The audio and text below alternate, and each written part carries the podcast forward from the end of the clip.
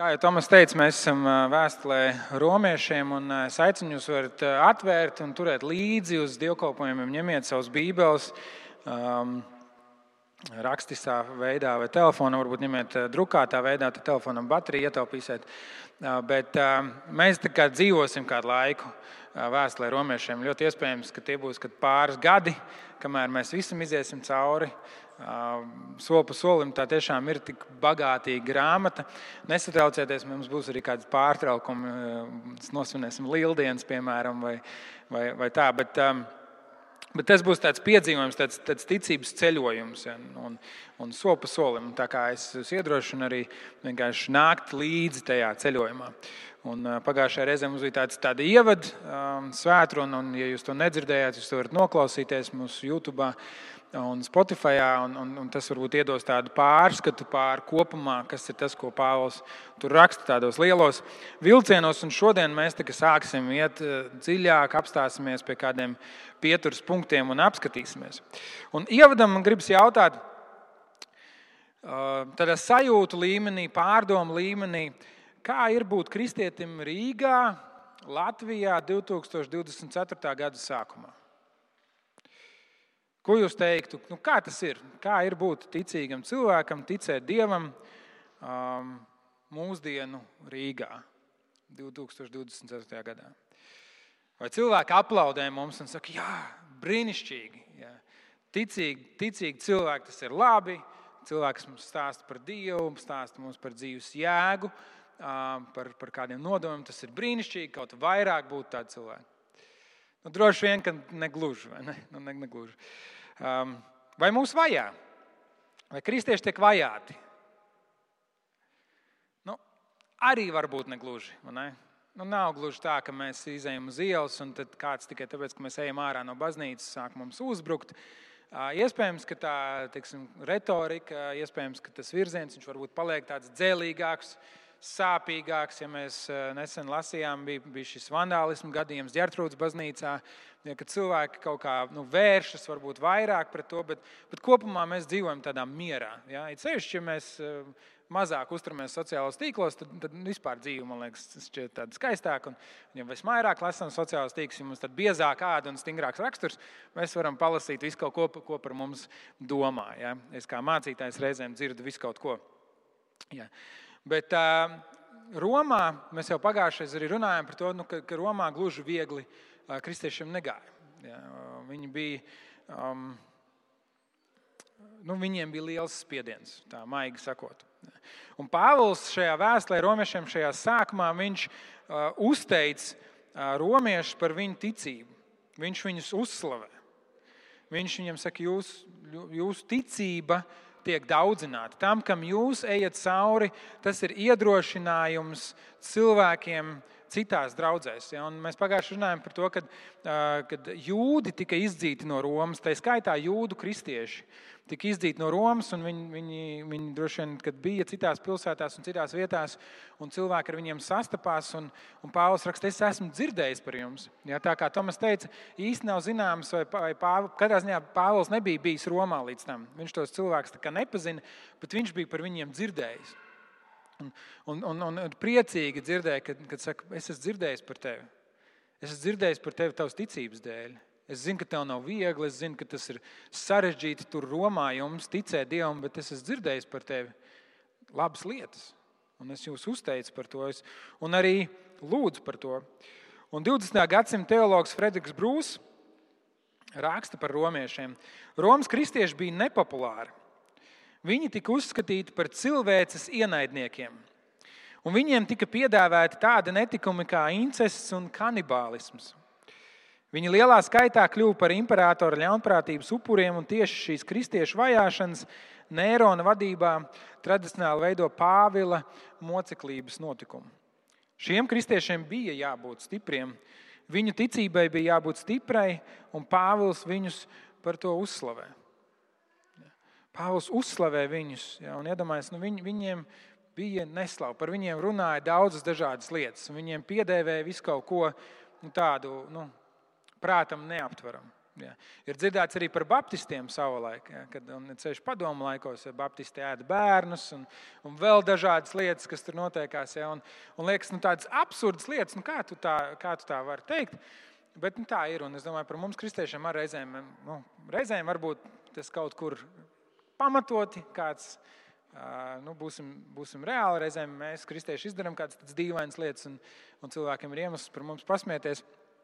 Bet reizēm tas ir tāds pilnīgi nepamatots, vienkārši vērsts pret mums. Un, un, un tāpat laikā Pāvils saka, ka jūsu ticība ir daudzināta. Ja? Viņš uz, uzsver, un, un, un tas ir kaut kas tāds, liekas, pēc kā arī mēs varētu ilgoties. Lai, lai cilvēki, zinot par kristiešiem Rīgā, jā, viņi teiktu, es esmu dzirdējis par jūsu ticību.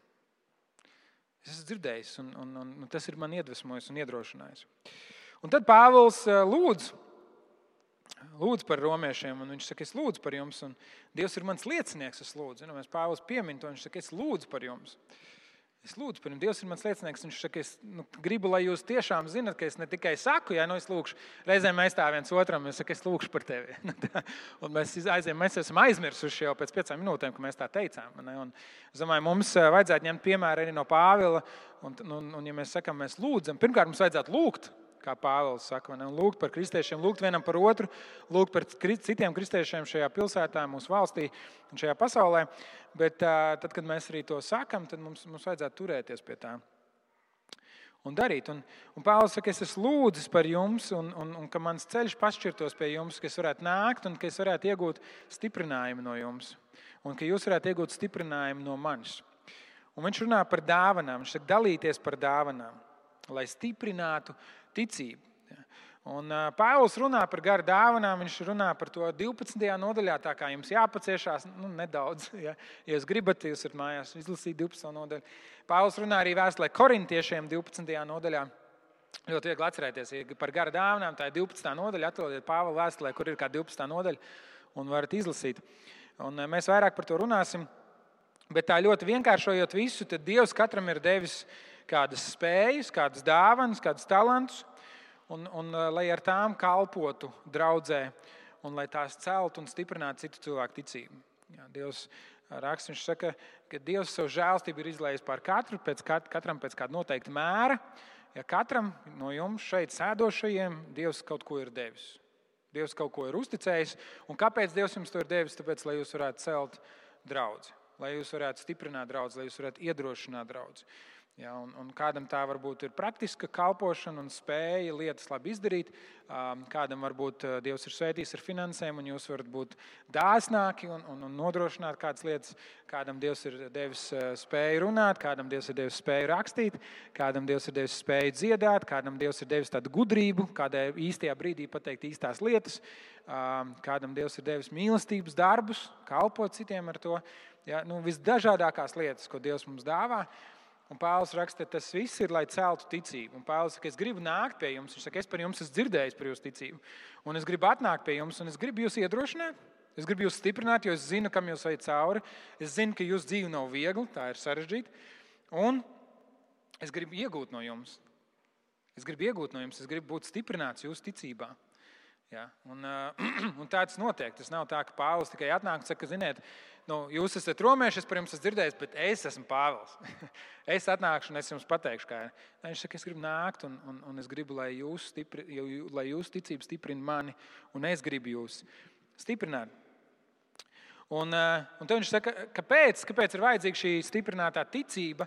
Viņš saka, lai tā nestu augļus, lai es iegūtu kādu augli pie jums. Un, Un mēs domājam, kas tad ir tas auglis, un es vienkārši ieskicēju tādus ieskatus, tādus trailerīšus par to, kādi tie augļi varētu būt. Un, un ejot cauri romešu vēsturē, es domāju, mums būs vairāk skaidrs. Un, un kopumā skatoties uz Pāvila dzīvi, mēs arī redzam dažādas lietas. Bet pirmā lieta, kas varbūt nāk prātā, ja Pāvils runā par gara dāvanām, tad tā varbūt varētu būt, tas varbūt varētu būt gara auglis. Jā, vēstulē galotiešiem, 5. nodaļa, prieks, miers, pacietība un tā tālāk. Gara auglis, kaut kādas iekšējas rakstura pārmaiņas, kas mūsos notiek, tad, kad mēs esam ar Dievu. Tad, kad mēs pavadām laiku ar Dievu, mums ir svētais gars mūsu dzīvē, nu, mums ir gara auglis. Ja, viņš saka, es gribētu piedzīvot to, ka svētais gars darbojas jūsos, un ir, ir, ir šis gara auglis, lai jūsu dzīve mainās, lai jūsu dzīve, lai jūsu raksturs mainās. Otra lieta, kas varētu būt, un, un, un par kuru Bībele runā par augļiem, ir atgriešanās auglis. Ja? Lūks evanģēlī trešajā nodaļā, kur arī nāk dažādi farizēji un visādi tādi pašgudri cilvēki kristīties. Viņš saka, nesiet atgriešanās augļus. Ka tā ir izmainīta dzīve, ka cilvēks ne tikai saka, es esmu kristietis, bet, bet ka viņš dzīvo saskaņā ar to. Ka viņš iet citā virzienā, viņš saskaņo savas vērtības ar to, kā Dievs to ir noteicis. Um, um, jā, tad, um, tas ir tāds izaicinājums mūsdienās, manuprāt.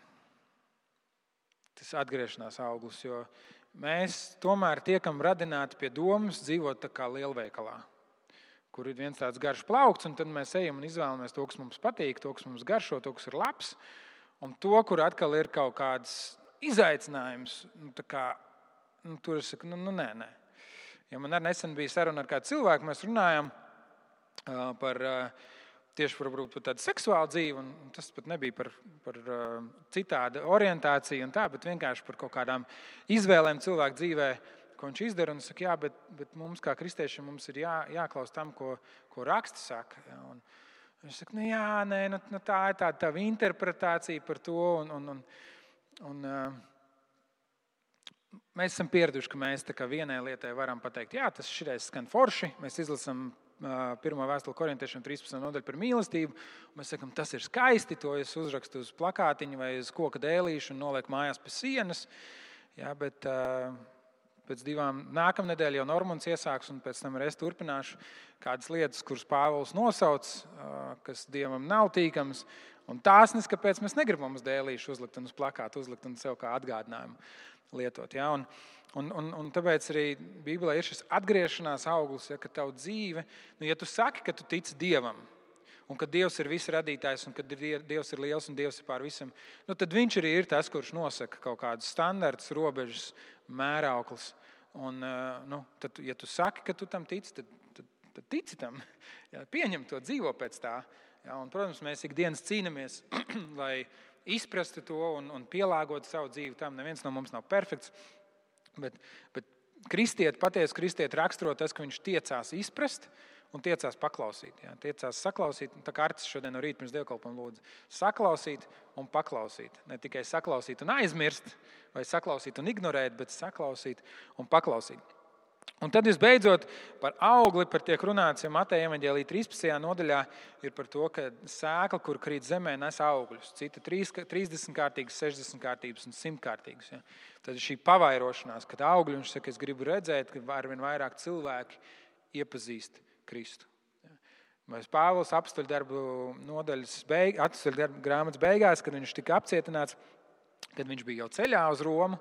Jā, tad uh, viņš runā ar šiem augstmaņiem, un, un viens no viņiem saka, viņš saka, Pāvils, tu esi traks, tu man gandrīz pārliecini kļūt par kristieti. Jā, viņš, viņš tā viņam saka, un Pāvils saka, es gribētu, ka ik viens no jums tikai bez šīm važām. Jā. Viņš saka, Tā ir tā Pāvila sirds. Ja, arī Dievs, Pāvils arī Timotejam raksta, ka Dievs vēlas, lai ik viens cilvēks kļūtu par kristieti, lai ik viens cilvēks iepazītu Dievu. Tā ir Dieva sirds. Viņš grib sevi atklāt ik vienam. Viņš grib, lai pēc iespējas vairāk cilvēku dzirdētu evaņģēlīju, piedzīvot šīs dzīves pārmaiņas, nestu šos atgriešanās augļus un, un lai Dieva valstība iet plašumā. Dieva sirds ir Un tas nav tāpēc, ka, ka viņš grib uzspiest sevi, tas nav tāpēc, ka baznīcai vajag augt un, un būt politiskā ietekmē vai kā, bet Dievs grib dot glābšanu. Dievs grib tiem cilvēkiem, kurus viņš ir radījis, viņš grib, lai viņi atgriežas pie viņa. Un Pāvils saka, tad es gribētu, lai, lai tas ir tas, ko es lūdzu par jums, lai būtu šis auglis. Un tad Pāvils raksta, ka es nekaunos evaņģēlīju. Es nekaunos evaņģēlīju. Pāvils ir gatavs sludināt evaņģēlīju Romā. Viņš ir gatavs doties uz turieni. Viņš redz, ka tur jau ir kādi cilvēki pirms viņa. Viņš nav lepns. Viņš nesaka, o, nē, es būšu pirmais, kurš te kaut ko pateiks, bet viņš ir gatavs sludināt evaņģēlīju. Viņš ir gatavs sludināt evaņģēlīju Romā, ja, kur ir cilvēki, kas, kas sevi sauc par gudriem. Atcerieties, Roma ir tā laika pasaules centrs, ja, visas kultūras centrs, izglītības centrs, viss tur notiek. Ja, viņš saka, es gribu nākt un sludināt evaņģēlīju. Un, un es nekaunos no tā. Un, ja mēs tā padomājam par evaņģēlīju vēsti, tad tajā ir daudz ko tāds cilvēks kā Pāvils, kurš ir izglītots, kurš ir mācīts, kurš ir Romas pilsonis. Tas nozīmē, ka viņš ir kaut kādā mērā arī nu, tāds ievērojams cilvēks. Un, uh, viņš varētu kaunēties par to. Īpaši tāpēc, ka šis evaņģēlijs ir par cilvēku, kurš ir pakārts uz koka, jau uz krusta, uh, kas, kas tajā laikā bija apkaunojošākā nāve, kādā kāds varēja mirt. Um, evaņģēlijs, kur mācība ir muļķīga, uh, vienkārša, Ja? Un, tajā pat ir, ir kaut kas mazs, ko varētu izcelt starp tiem tā laika gudriem prātiem. Un, arī evaņģēlijas sludinātāji tika nicināti, un viņus centās apspiest un apklusināt. Un, un tomēr Pāvils saka, es nekaunos evaņģēlīm. Viņš saka, ka tas ir Dieva spēks.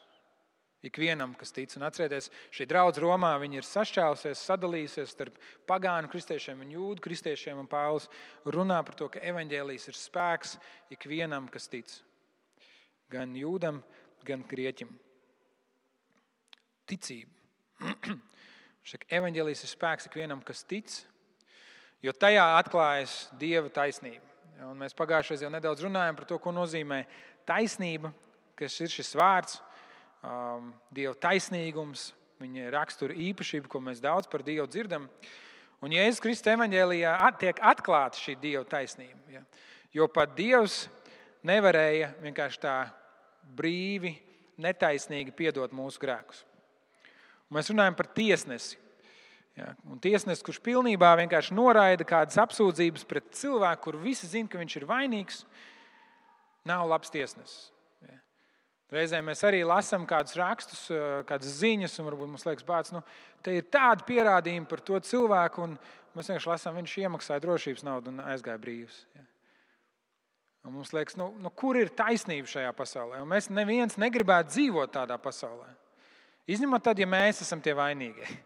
Izņemot, ja mēs esam tie apsūdzētie, nu tad gan mēs gribam, lai mūs palaiž. Ne?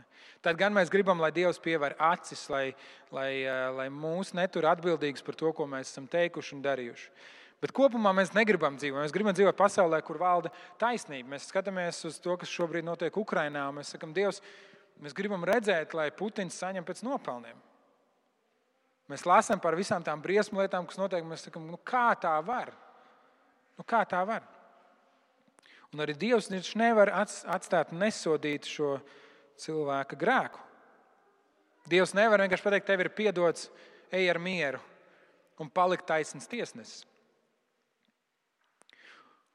Un vienīgais taisnīgais, ko tieši šis tiesnesis, ko Dievs var izdarīt, ir, ir grēcinieku sodīt un sodīt ar nāvi, jo tas ir tas, ko Dievs ir pateicis. Ja tu ēdīsi no šī augļa, tu mirdams mirsi. Šodien mēs par to runāsim, arī Dievs stāstā, kas pievienosieties. Un Dievs ir radījis, viņš, viņš, viņš ir ielicis šo savu mērauklu, viņš ir ielicis savu, savu taisnīgumu, un mēs varam uzticēties, ka Dievs tiesā pasauli.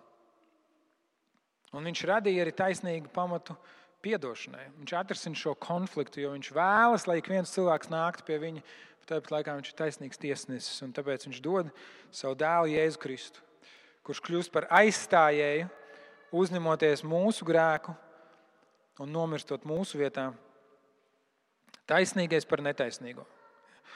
Un Viljams Bārklīs izskaidro šo sengrieķu vārdu dikājo nozīmi, ja taisnīgums, kas nozīmē es attaisnoju.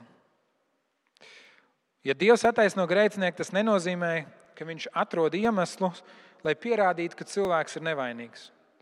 Ja, viņš nav tā, ka Dievs saka, nu īstenībā jau tas, ko tu izdarīji, tas nav grēks.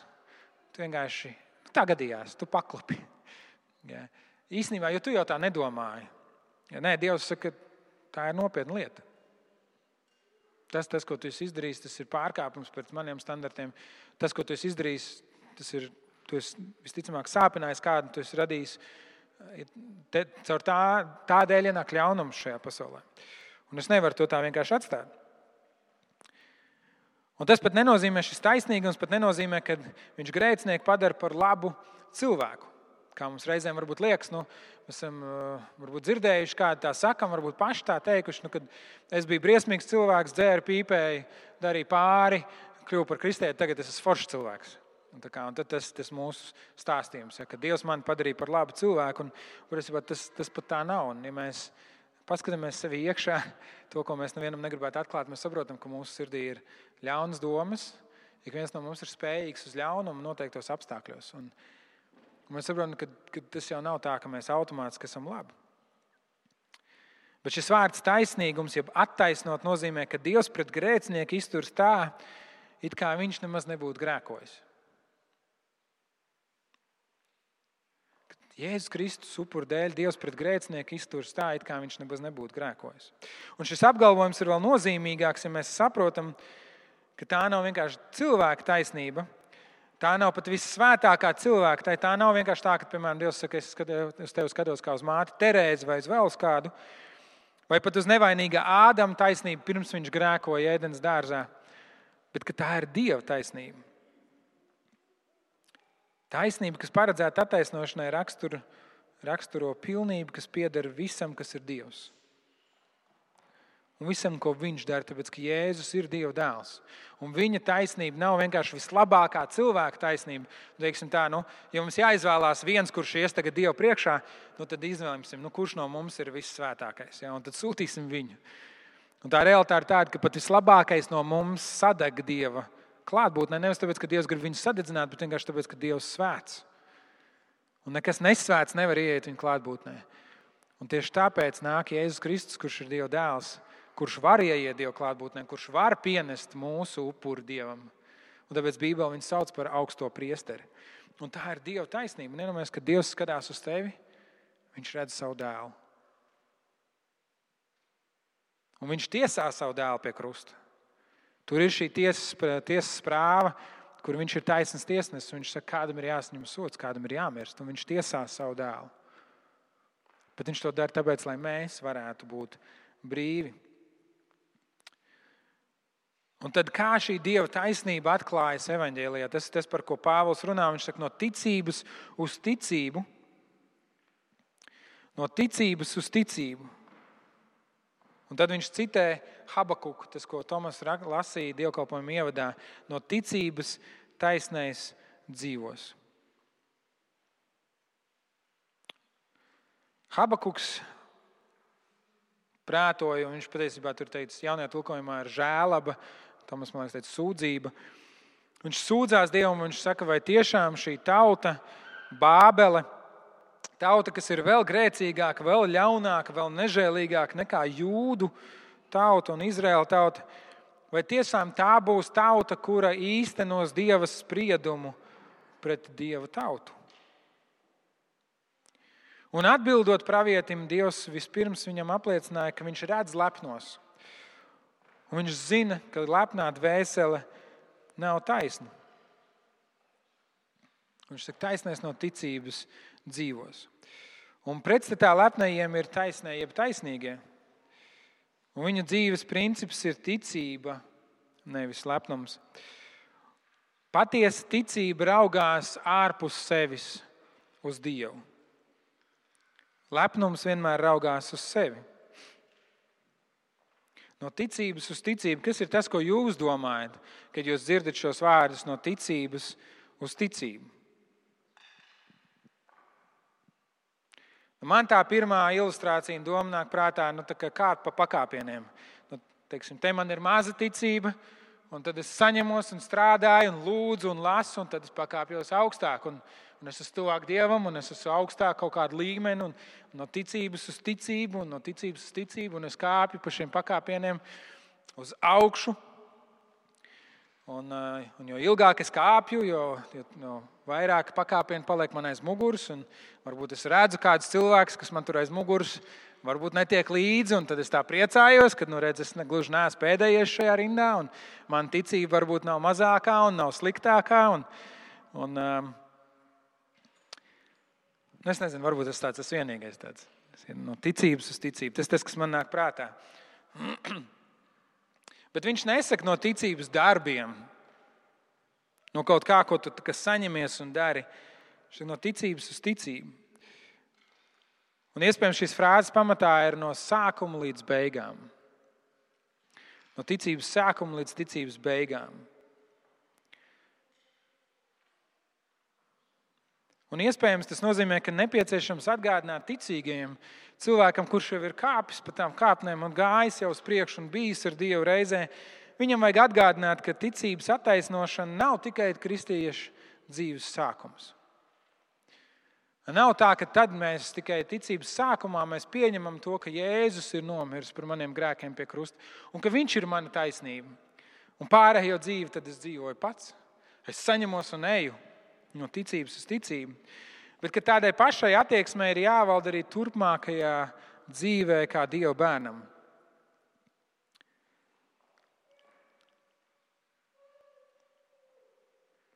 Un tāpēc es. Uh, ir tāds citāts, es neatradu, kuram tas pieder. Bet tā doma ir tāda, ka mums vajag nožēlot ne tikai tos sliktos darbus, ar kuriem mēs esam pretojušies Dieva žēlstībai, bet mums vajag nožēlot arī tos labos darbus, ar kuriem esam centušies nopelnīt Dieva žēlstību.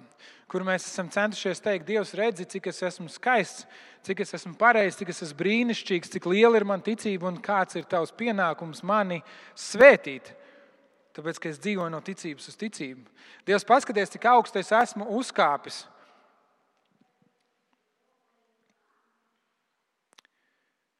Un tāpēc Pāvils raksta vēstulē Galatiešiem, 3. nodaļā, jo tā bija tieši Galatiešu problēma, kur viņi bija sākuši domāt, ak, jūs bezprātīgie galatieši, kas jūs ir nobūris? Jūs, kam acu priekšā Kristus attēlots krustā sists. Tikai vienu gan es gribētu no jums uzzināt, vai jūs garu esat saņēmuši no bauslības darbiem vai no ticības vēsts, ko esat dzirdējuši. Vai esat tādi nejēgas, reiz sākuši garā, nu gribat takt pilnīgi caur miesu, vai tik daudz jūs esat velti izcietuši? Un ja vien veltīgi. Vai tas, kas dāvā jums garu un darbina jūsos brīnišķīgus spēkus, dara to jūsu bauslības darbu dēļ? vai caur ticības vēsti, ko esat dzirdējuši. Atzīstiet to. Abrahams ticēja Dievam, un tas viņam tika pieskaitīts par taisnību. Tāpat arī tie, kas tic, ir Abrahama dēli. Bet raksti paredzēdam, ka Dievs ticībā attaisno pagānus, jau iepriekš pasludināja Abrahamam, tevī tiks svētītas visas tautas. Tātad tie, kas tic, saņem svētību līdz ar ticīgo Abrahamu, bet tie, kas balstās uz bauslības darbiem, atrodas zem lāsta.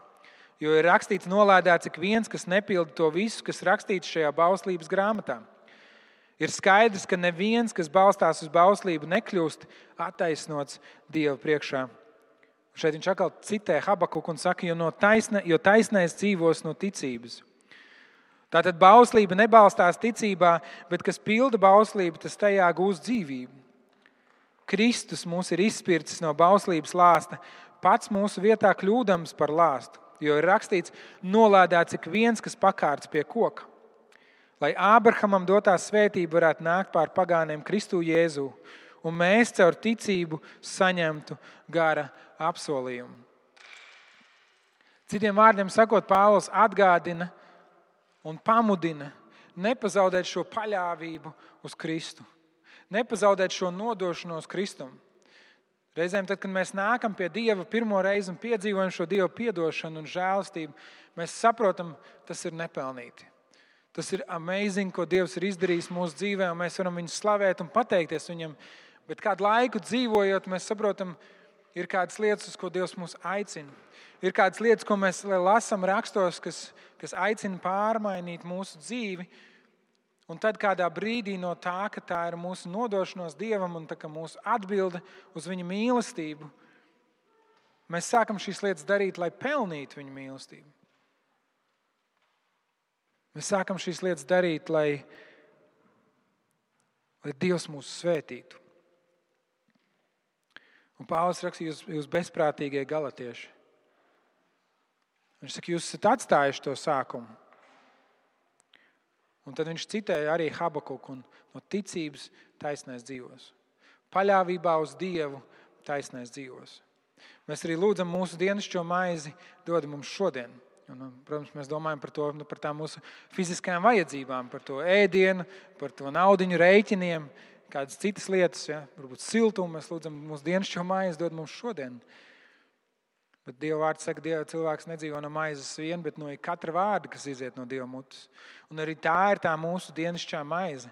Nevienā brīdī mēs nevaram atstāt šo Kristus evaņģēliju un teikt, bija forši ar evaņģēliju, es iesāku, ja reizē mēs sakām, nu, tā, ir tā, tā ir tā pirmā mīlestība, ja, un, un tagad man jāpieaug. Es vairs nevaru to pienu dzert, man jāpieaug. Un, un reizē mēs tajā pieaugšanā mēs, mēs sākam kļūt lepni, mēs sākam iet uz to paštaisnumu. Mēs domājam, ka Nu, man ir jāspēj, man ir jāizdara.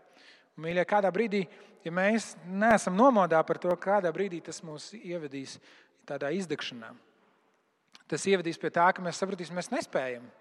Mēs nevaram, kāpjot pa tām kāpnēm, mēs piedzīvosim to, ka laiku pa laikam mēs no viņām nokrītam. Un mēs sasitamies, un mēs aplaužamies, un, un mēs saprotam, ka mēs nemaz tik augstu, varbūt nemaz nebijām uzkāpuši, un mēs nemaz tik labi nesam. Un tad, ja mums nav šis evaņģēlijs pašā pamatā, kas mums atkal palīdz piecelties un atkal stāvēt stipri Dieva apsolījumā un atkal teikt Jēzus Kristus vārdā, Jēzus Kristus vārdā, dēļ tā, ko Jēzus ir izdarījis pie krusta. Tā ir tā ticība. Tā ir tā ticība, kas nes tos augļus. Tā ir tā ticība, par kuru Pāvils uzslavē romiešu draugu. Tā ir tā ticība, kur Pāvils cer ka Romas draudzene būs kā placdarms viņa kalpošanai tālāk. Tā ir tā ticība. Tā ir tā paļāvība uz Dievu. Tas ir tas, uz kurien mums jāiet. Un, un es domāju, nu kā šis, šis spēks, šī ticība izpaužas mūsu ikdienā. Un es gribētu piedāvāt citu skatījumu uz ticību. Nevis kā pakāpienu, bet kā ēdiens. Mūsu dienascho maizi dod mums šodien ka ticība ir kā ēdiens, kas mums ir vajadzīgs, kas mums ir nepieciešams, un mēs dzīvojam no ticības uz ticību. Mēs dzīvojam no tā, ka mēs vēršamies pie Dieva un saņemam no Viņa kādu iedrošinājumu, iepriecinājumu, žēlastību, un mēs ejam uz priekšu, un mēs pēc brīža saprotam, mums vajag vēl. Un varbūt tie sarežģījumi un izaicinājumi kļūst lielāki, un, un, un tiešām mēs varbūt kļūstam drosmīgāki savā ticībā, un mēs sastopamies ar ko mēs saprotam, man vajag vēl. Un mēs dzīvojam no ticības uz ticību. Mēs atgriežamies atpakaļ pie Dieva. Mēs sakām, Dievs, jā, es kādas lietas sapratu, bet es tik un tā saprotu, ka bez tevis es neko nesaprotu. Man vajag vēl no ticības uz ticību, taisnēs dzīvos. Jo, ja mēs skatāmies uz ticību kā uz pakāpieniem, tad mēs saprotam, ka mums visu laiku jākļūst labākiem. Mums visu laiku jāiet uz priekšu. Ja? Ka neviens tavā vietā pa šiem pakāpieniem neuzkāps ka gal galā tā, tu esi viens ar sevi un savu ticību. Un, un tajā brīdī ir viegli pieķerties tiem darbiem un teikt, man ir jāsaņems, man ir jādara. Un, ja es kļūdos, un ja es grēkoju, un ja es atkrītu, nu man jāsaņem stiprāk un jādara. Līdz vienā brīdī mēs saprotam, man nav spēka saņemties. Bet, ja mēs skatāmies uz ticību kā uz ēdienu, no kā mēs dzīvojam, tad tad mums ir jāparūpējas par to, lai mēs būtu vietā, kur ir šis ēdiens. Mums ir jāparūpējas vietā, kur mēs garīgi um, varam piedzīvot, ka Dievs mūs pabaro. Un, un, un tad mēs domājam par, par kādām garīgām praksēm un disciplīnām savā dzīvē. Mēs domājam par lūgšanu. Mēs saprotam, ka tas vairs nav tāpēc, man ir jālūdz, lai es kāptu un lai, es, lai, lai visi redzētu, ka es esmu lūdzējis, bet, bet, bet man tas ir svarīgi, gluži kā paēst. Es lūdzu, tāpēc, ka es, es piedzīvoju, ka Dievs ar to man pabaro. Un mēs domājam par to, ka mēs lasām Bībeli, un tas vairs nav tāpēc, man ir, man ir jāpaka pa, pa kāpnēm, un, lai es varētu kādam teikt, ja es esmu izlasījis visu Bībeli, vai, vai es saprotu, vai es varētu piedalīties sarunā ar kādu gudru un teikt, jā, tur, tur, tur Pāvils tieši to bija domājis, tur tas vārds koinonija, ja, un tā ir sadraudzība, un es to lasīju grieķu valodā, un ebreju valodā, un, un krievu valodā. Ja. Bet, bet nē, mēs, mēs lasām, tāpēc, ka tas mums pabaro. Tas ir labi priekš mums. Tā no ticības uz ticību mēs dzīvojam. Un, un jo biežāk mēs lasām, jo vairāk mēs lasām, jo, jo vairāk mēs varam piedzīvot Dievu. Mēs lasām, varbūt mēs kaut ko nesaprotam, tad mēs varam ar kādu pārunāt un teikt, Klau, kā tev liekas, kas tur rakstīts, to nesaprotu. Varbūt tu man vari palīdzēt, varbūt mēs kopā varam studēt. Un tad ticība kļūst kā kaut kas, ko, ko mēs varam dalīties. Ticība kļūst kā kaut kas, kas, kas ir vairs ne tikai mans un, un mana karjera, man pakāpiena, man izaugsme, bet kaut kas, ko mēs varam piedzīvot, ka tā kļūst par mūsu kopējo. Ja. Tas ir tāds uh, kopējs galds, kur es atnesu savu ticību. Ar tām dāvanām un talantiem, ko Dievs man ir devis, es atnesu un es varu svētīt. Un es gribu svētīt, un es gribu dalīties tajā, ko Dievs ir darījis. Un, un tad kāds cits arī no jums atnāk, un vēl kāds cits. Kādam ir bijusi kāda pieredze, kur Dievs viņu lietoja kaut kas nejaušs, varbūt liekas nejaušs, un saka, Jā, Dievs man tā uzrunāja. Un, un kādam ir kāds spēja mums brīnišķīgi vadīt pielūgsmē, un mēs visi varam iet Dieva klātbūtnē, un mēs varam būt stiprināti no jūsu ticības. Un, un, un, un tas ir tas, kur mēs varam dalīt. Un tad mēs saprotam, ah, redz, kāpēc draudzē ir. Redz, kāpēc Dievs paredzēja cilvēkam būt draudzē. Ja, nu, nu, tā jau citādi viņš varēja vienkārši iedot kaut kādu pamācību. Ja kāds cits saka, nu, re, tev pamācība. Tagad mēs gribētu kaut kādu online ja, tutoriālu ja, vai, vai kaut kādu YouTube video, kas mums katru dienu jānoskatās, kur Dievs saka, nu, kā pa tām kāpnēm uzkāpt gal galā. Ja. Sākam ar labo kāju, ietupjamies, bišķiņi atsperamies, stabili. Ja, tad ejam, bet nē, Dievs paredzējis mums būt draudzē. Nevis būt tādiem vientuļiem, kāpējiem kaut kur bet draudzē, kur mēs varam līdzdalīt savu, savu ticību. Un, un tad tas ir svarīgi. Tas vairs nav tikai par to, ka ir tie cilvēki, kas šeit ir priekšā. Ja, mācītājs runā un, un, un mūziķis spēlē, kā, bet, bet tev, ir, tev ir ticība, tev Dievs ir kaut ko devis. Un, un tu vari to līdzdalīt, un tu vari iedrošināt, un tu vari būt tas, kurš lūdz par citiem. Ja, un, un tāpēc ir, ir brīnišķīgi, ka mēs varam nākt kopā. Un jo vairāk mēs sanākam, jo vairāk ticības. Ja, katram ir kaut kas, ko pienest. Atcerieties, Dievs teica, katram ir kaut kas, ko nest. Jo vairāk mēs esam, jo vairāk mēs varam iedot un piedzīvot to, kā Dievs ceļ savu draugu no ticības uz ticību. Ja? Un, un tad, kad mēs skatāmies uz šīm divām bildēm, nu, mēs skatāmies, kur tu gribi būt. Kur tu gribi būt? Tas aicinājums uz ticības, no ticības uz ticību. Un atcerieties, taisnais dzīvo no ticības uz ticību. Kas tad ir tas taisnais? Tas perfektais, tas ideālais, tas, kurš visu ir izdarījis, tas, kurš visu ir sapratis. Nē, tas, kas ir attaisnots. Tas, par kur Dievs saka, es tevi attaisnoju caur Jēzu Kristu. Un mēs varam nākt priekšā un pēkšņi mums vairs nav jāizliekās. Pēkšņi mums vairs nav jātēlo. Mēs visi saprotam, mūsu taisnība jau nāk no Dieva. Mana taisnība ir tāda pati kā Miķeļa taisnība, tāda pati kā Tomas taisnība, tāda pati kā Melānijas taisnība. Tāpēc tā ir Kristus taisnība. Man vairs nav jāizliekas, un es varu dalīties tajā, kur Dievs man ir vedis, kam es esmu gājis cauri, ko Viņš man ir piedevis. Es varu darīties tajā, ko es nesaprotu, kas man mulsina, par ko man ir bail, ko man ir šaubas. Es varu dalīties tajā, kas man nomāca, kas ir, kas ir man kā nasta. Un es varu piedzīvot to, ka brāļi un māsas draudzē stiprina man ticību. Es varu piedzīvot to, ka no ticības taisnēs dzīvos. Un tas jautājums mums, mīļā draudzene, ir, nu kas tad ir tas, kas tad ir tas ritms tavā dzīvē, kas tad ir tās vietas tavā dzīvē, kur tur pāriest?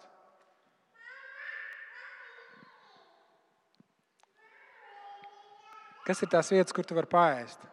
Kas ir tās lietas, ko tu dari, kam tu pievērsies, kam tu nodoties? Tāpēc Pāvils kādā citā vietā raksta, viņš saka, neatstāsim savus kopīgās sapulces. Tuvosimies Dievam lūgšanā. Slavēs, es gribu, lai vīri visās vietās slavē Dievu ar paceltām rokām. Dažādi šīs vietas, kur mēs varam pāriest no ticības uz ticību. Un tad mēs varam piedzīvot to, ka Dievs svētī. Dievs svētī mūs caur savu klātbūtni caur, caur citiem, un, un Dievs svētī mūs ar to, ka mēs varam svētīt citus. Un tā ir tā bilde, ko Dievs uzbūr vai izveido, ko Dievs grib redzēt savā draudzē.